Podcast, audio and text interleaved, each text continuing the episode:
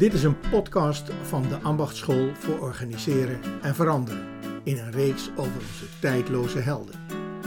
We kijken hierin door hun ogen en door die van ons naar hedendaagse vraagstukken in ons ambacht.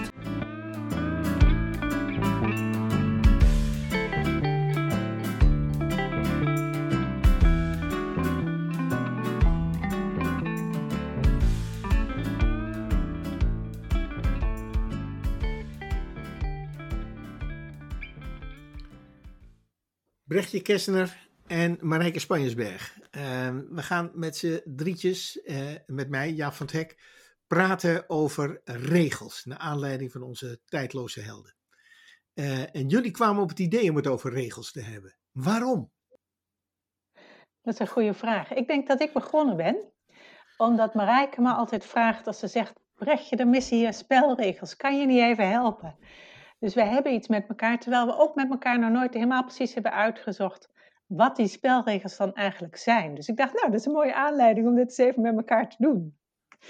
Ja, en, en wat, ik, wat ik daar heel leuk aan vind, is dat, dat we uh, in ons werk eigenlijk voortdurend te maken hebben met spelregels omdat ze niet werken, uh, omdat ze voor conflict zorgen, of omdat ze impliciet zijn of ontbreken. Of, nou ja, zeg maar, als we, als we naar ons werk kijken en we zien het struggelen, dan, dan doen eigenlijk altijd spelregels op de een of andere manier wel mee. Uh, terwijl er aan de andere kant natuurlijk ook een enorme aversie is. Hè? Als je zegt van god, zullen we eens naar de spelregels kijken, dan dan zie je al die ogen een beetje naar het plafond draaien. En dat je denkt, oh nee, ja, laten we het alsjeblieft niet over regels gaan hebben. Hè? Dus, dus dat vind ik eigenlijk heel interessant. Dat, het, dat je er niet omheen kan, dat je ze nodig hebt en dat er ook zoveel aversie tegen is. Je had het idee om uh, Jaap erbij te vragen, Marijke. Waarom ja. is dat? Ja, nou, Jaap die is natuurlijk wars van regels. nee, dat is niet helemaal waar. Maar, maar ik vind Jaap altijd prettig ontregelend. Uh, en, en bovendien heeft Jaap ook iets over Frère geschreven. En dat zit natuurlijk ook een beetje in, nou ja, hoe verhoud je je tot, tot regels, vooral als ze niet meer werken, hè? Ja, Frère was natuurlijk wel, uh, Frère was een revolutionair. Dus die wilde het hele bestaande regelsysteem eigenlijk uh, omverkieperen. En uh, was in die zin, ja, en dat klopt ook wel een beetje met mijn eigen ontregelingen, zeg maar, dat ik soms denk dat regels ook echt verstikkend zijn. Maar, maar voordat ik daar wat over zeg, wil ik eigenlijk nog wel even terug naar het begin. Want opeens realiseer ik me, uh, Marijke, dat als jij dat Brechtje vraagt, dat Brechtje precies anders naar regels kijkt, denk ik, dan jij. Dus mijn beeld is, Brechtje heeft ook dat stuk geschreven over hiërarchie. Dat zijn als het ware in zekere zin ook hele verticale regels. Um, terwijl jij altijd bezig bent, Marijke, met relaties. En dat zijn eigenlijk horizontale regels. Dus, dus eh, op de een of andere manier zijn, jullie, zijn jullie beiden met een stuk van dat regelsysteem bezig. Klopt dat? Ja, ja dat is misschien wel leuk om daar. Ja, dat, ik denk het wel. En, en ik denk dat het daarom ook leuk is om, om samen te werken. dus, dus als ik even terug ga naar mijn held, hè, die, die zegt natuurlijk van, van ook als we denken dat we het over de inhoud hebben met elkaar, dan dan doen regels daar altijd in mee. Dus ik, doe nou een, een, uh, een, een, conflict tussen een aantal medisch specialisten. En dan is de vraag: mag de ene medisch specialist iets over het specialisme van de ander zeggen? Van waarom is die patiënt nog niet van de beademing? En dan kan de, anesthesist zeggen: nou, daar ga jij helemaal niet over. Dat maak ik zelf wel uit. Of is dat nou een verstandig inhoudelijk gesprek over wat de beste zorg voor de patiënt is? Ja, we doen altijd alsof het dat het verstandige inhoudelijke gesprek over de zorg voor de patiënt is. Maar ondertussen zit er natuurlijk een enorm spelregel, betrekkingsspel onder over de vraag wie mag wat tegen wie zeggen en wat betekent dat dan eigenlijk? Hè? En moet ik dan gehoorzamen of mag ik tegenspel geven? Of, of ja, hoe, hoe verstaan wij eigenlijk wat we tegen elkaar zeggen? En daar doen die betrekkingsregels altijd in mee. En ik denk, hè, want je, je haalt ze uit elkaar, ja, maar in mijn beleving is het onterecht, want er zijn altijd en verticale en horizontale regels. In het artikel belicht ik alleen even de verticale, maar deze auteurs zeggen ook iets over horizontale, dus dat, dat zou je net zo goed kunnen doen. Um, en ik denk betrekkingsregels zijn een van de soort regels die er zijn. Er zijn ook nog andere soort regels hè, over hoe je inderdaad het werk met elkaar doet. Of hoe je middelen verdeelt of hoe je je tot elkaar verhoudt.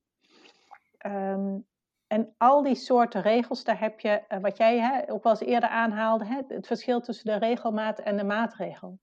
Dus er zijn op al die verschillende gebieden zijn er regelmaten die ontstaan. Als mensen met elkaar zijn, dan ontstaat er een regelmaat in hoe je dingen doet met elkaar. En de auteurs die ik aanhaal in het artikel zijn mensen die heel erg goed gekeken hebben naar welke regelmaat ontstaat er in natuurlijke organismes. En als je dat soort regels meeneemt naar de maatregel, waarin je formeel ook met elkaar afspraken maakt over hoe je dingen doet, en dat soort ja, natuurlijke logica van met elkaar omgaan of regelmaat laten ontstaan gebruikt en benut bij het maken van maatregelen, dan krijg je een stuk makkelijkere organisatie die soepeler loopt en waar ook de samenwerking makkelijker gaat, dan als je maatregels op een heel andere ideaal of uh, um, een ander mechanisme baseert of zo. Ja, ja. Nou ja, en dan zijn we ook wel weer terug bij Watzlawick, want die zegt natuurlijk hè, van, uh, ja, wij, wij, uh, wij bedenken voortdurend oplossingen die dan vervolgens weer het probleem worden. En in dat nadenken over oplossingen zijn we eigenlijk altijd net iets te utopisch. Dus we bedenken net iets te mooie spelregels die net niet kunnen lukken. Uh, hè, zoals de afspraak is afspraakregel. Uh, of iedereen is proactief, transparant en ondernemend en ik weet niet wat allemaal. Hè? En, en ja, daardoor creëren we eigenlijk uh, een te groot gat tussen wat we in de regelmaat ontdekken en wat we zo graag zouden willen. Waardoor we vervolgens een hekel krijgen aan de regels die we ontworpen hebben. En dan gooien we misschien toch een beetje het kind met badwater weg, denk ik dan. Het is, mag ik, ja, mag zeker, ik, omdat mag als ik je even alle door- regels weg zou doen. Oh. Ja, ik, ik, Ja, ik, ja. ik- ja, ik kreeg nu opeens een geweldige associatie met Frère ook. Eh, toch? Eh, eh, wij, wij dachten steeds, nou die Frère die heeft het niet zo vreselijk over regels. Maar die Frère is wel een man van de praxis. Eh, en dat sluit aan op wat Brechtje zegt. Laten we de praxis als vertrekpunt nemen, de, de, de regelmaat, zeg maar, om van daaruit te kijken hoe we het inregelen. En, ehm en eh, Frère is dus ook een, een groot voorstander van zullen we kijken hoe het feitelijk uitwerkt. En hij heeft dus ook niet zoveel met theorie als ehm, eh, eh, omdat hij heel erg naar die praktijk kijkt. En wat ik vaak zie in organisaties, is dat er eigenlijk pogingen worden gedaan om theorie te vertalen in praktijk, in plaats van praktijk te vertalen in theorie. En dat is ook precies dat utopische waar jij naar verwijst, volgens mij, Marijke. Want daar is de, de theorie van de utopie, of, het, of het gedroomde, of zo zou ik het wel graag willen hebben, of iets dergelijks. En zullen we proberen om dat tot praxis te maken, terwijl die redenering die Brechtje opbouwt, eigenlijk andersom werkt. Van zullen we eens kijken wat er feitelijk gebeurt, daarvan leren en daarop doorbouwen. Want een van de dingen die hij natuurlijk heel erg veel deed, is mensen leren schrijven en praten. Wat heel Ja. erg gaat ook leren kijken, zoals ik hem herken, kijken naar wat er gebeurt en reflecteren op wat er gebeurt. En daarmee expliciet maken van wat er gebeurt, zodat je het erover kan hebben. Ehm, Nou ja, dat en is dingen wat- tot, dat is wat al dan hij niet deed. bewust tot maatregel kan nemen. Ja, Ja, hij alfabetiseerde boeren in, in Zuid-Amerika eh, niet door ze de taal te leren, maar door hun taal te gebruiken en van letters te voorzien. Dus er is een, er is een Ja. prachtig verhaal over hoe later zijn theorie in Nicaragua werd toegepast door de Sandinisten, eh, de revolutionairen destijds. Die zeiden dat het eerste woord wat geleerd moest worden was la revolución. Want, zoals je natuurlijk allemaal weet, daarin zitten alle klinkers. Hè, dus je, je, je begint met, als het ware, de praxis. En, en daar bouw je theorie van. ja. Ja. En heel veel van die theorie die we in ieder geval vanuit systeemdenken, zoals Watzlawick eh, eh, en de andere die we ook in het heldennummer voor een groot deel belichten, die wordt eigenlijk heel weinig goed toegepast, is mijn overtuiging. En dat is ook waar Marijke dan tegenaan loopt en zegt van, kunnen we dat hier niet een beetje anders doen? Kunnen we dat niet een beetje anders doen? Ja, ja want wat, wat ik dus wel, wel echt mooi vind, hè, is dat als je de werkelijkheid serieus neemt, hè, dat is de, de, de, de titel of de, de quote van, van Hoebeker, geloof ik. Hè, dus dat je echt kijkt naar wat werkt hier en wat werkt hier niet. Uh, dan word je vanzelf wat minder utopisch. Uh, en dan, um, en dat is een ander aspect wat, wat, wat we natuurlijk vaak tegenkomen in dat, dat gesprek over spelregels, is ehm, dat de regels heel vaak gaan over ehm, wat je graag zou willen, maar eigenlijk zelden over ehm, ja, wat we dan noemen de ondergrens. Dus wat echt niet oké is. En, en zeker als je bijvoorbeeld een veranderingsproces doormaakt met elkaar en je bent een tijdje bezig, dan zou het dus eigenlijk logisch zijn dat die ondergrens over wat echt niet meer oké is, ook zachtjes opschuift. Um, hè, en dat wat twee jaar geleden nog oké was, dat je dat langzamerhand gewoon echt niet meer kan maken. En wat ik heel vaak zie, is dat, dat, dus dat, dat, dat die ondergrens heel lang ontzettend impliciet blijft. Of, of juist heel breed blijft. Dat er dus toch van allerlei dingen wel kunnen, terwijl ze bij het oog op de verandering helemaal niet meer passend zijn. En, maar is die ondergrens ook niet, Marijke, is die ondergrens ook niet wat Shine de taken for granted assumptions noemt? Uh, En dat, dat taken for granted nou ook precies maakt dat het niet besproken kan worden omdat het zo ontzettend vanzelfsprekend is? Ja, dus het is gênant om het erover te hebben. En dan, en dan, wordt dus de, dan wordt dus eigenlijk de spelregel: gedraag je nou eens professioneel.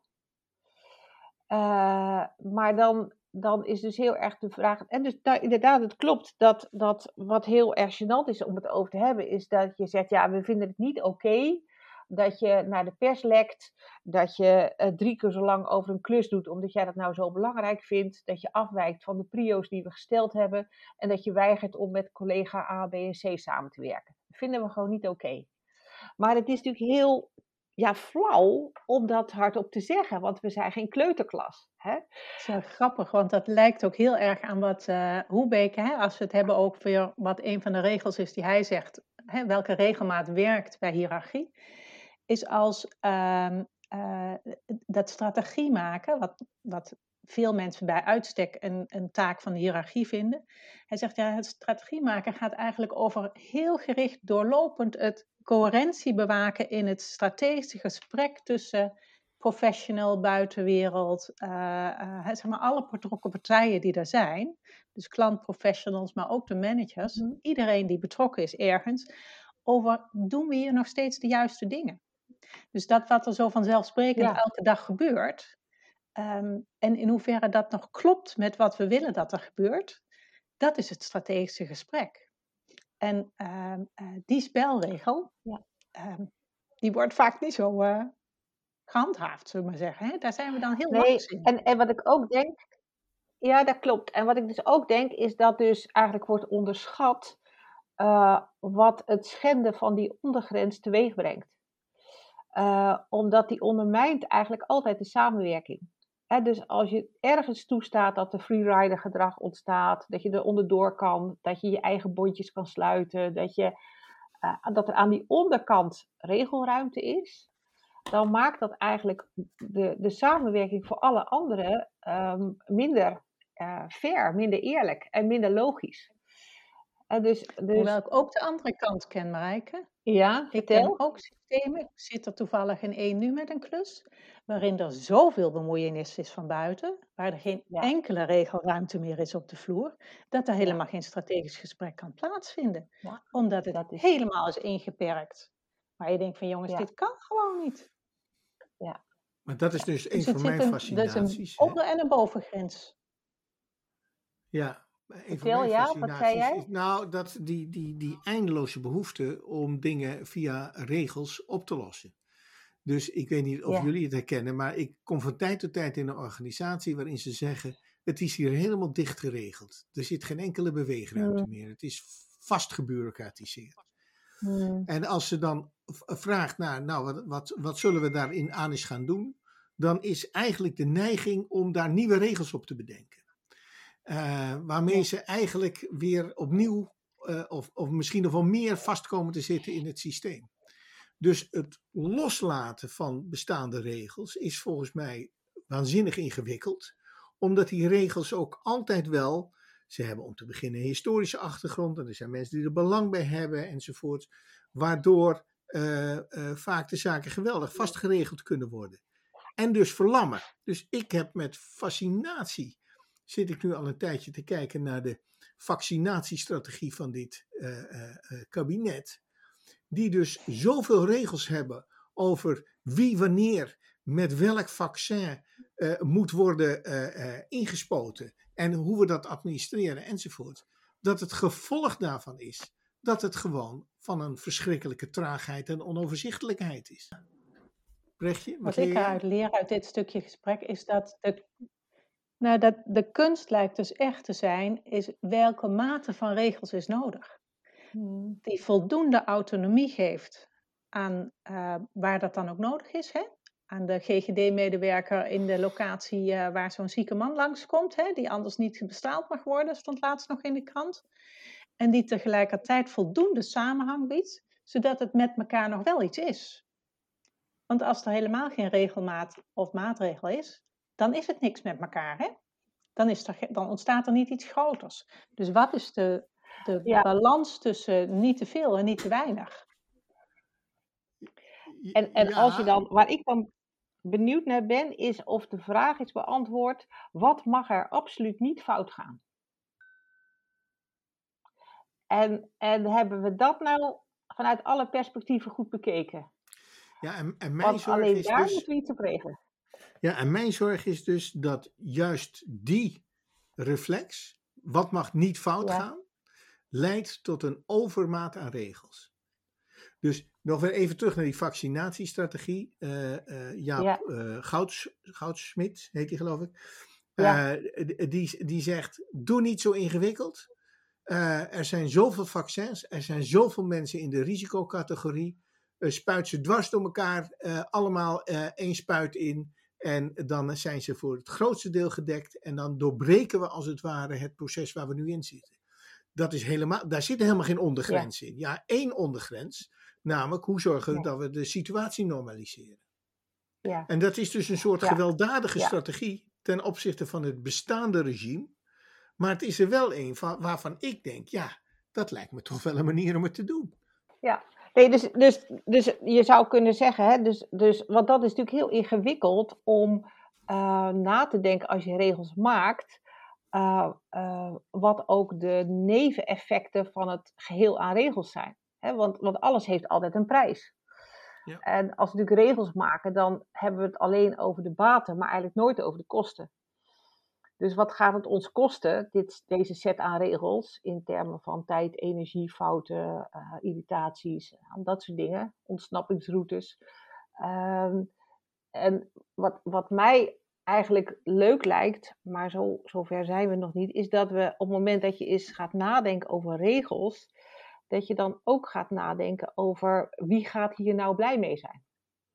Dus dat je hem niet alleen vanuit je enkelvoudige perspectief ontwikkelt, maar ook Hè, vanuit het perspectief van de verzorgingstehuizen en de Nederlandse burger en, en allemaal dat soort perspectieven. Want heel veel regels hebben toch een behoorlijk enkelvoudig perspectief. Hè? Inderdaad, er mag voor uh, ehm, VWS niks fout gaan. Of er mag voor de GGD niks fout gaan.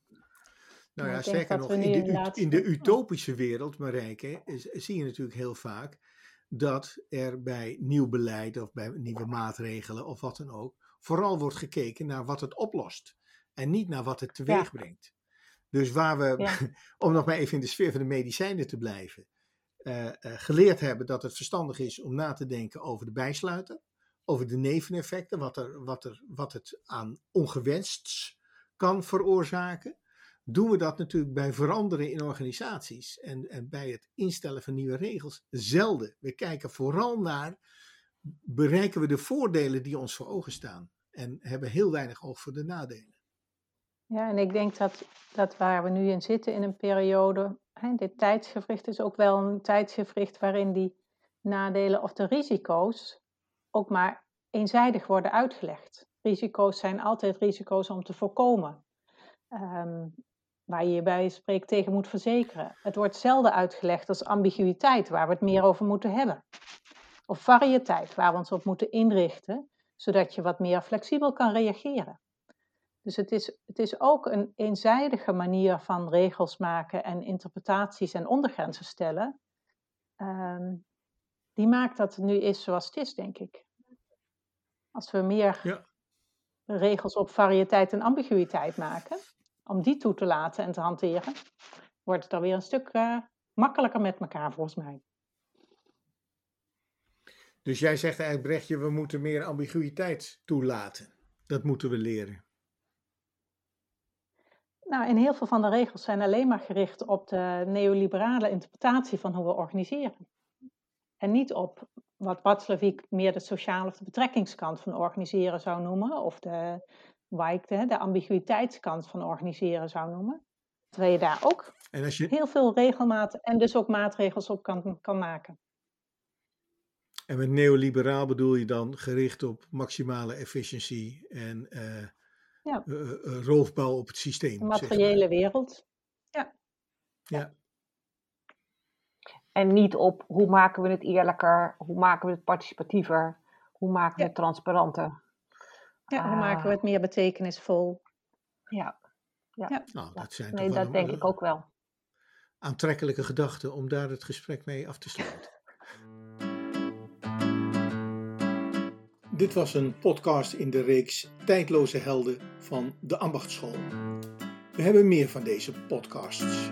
U kunt ze vinden op deambachtschool.org.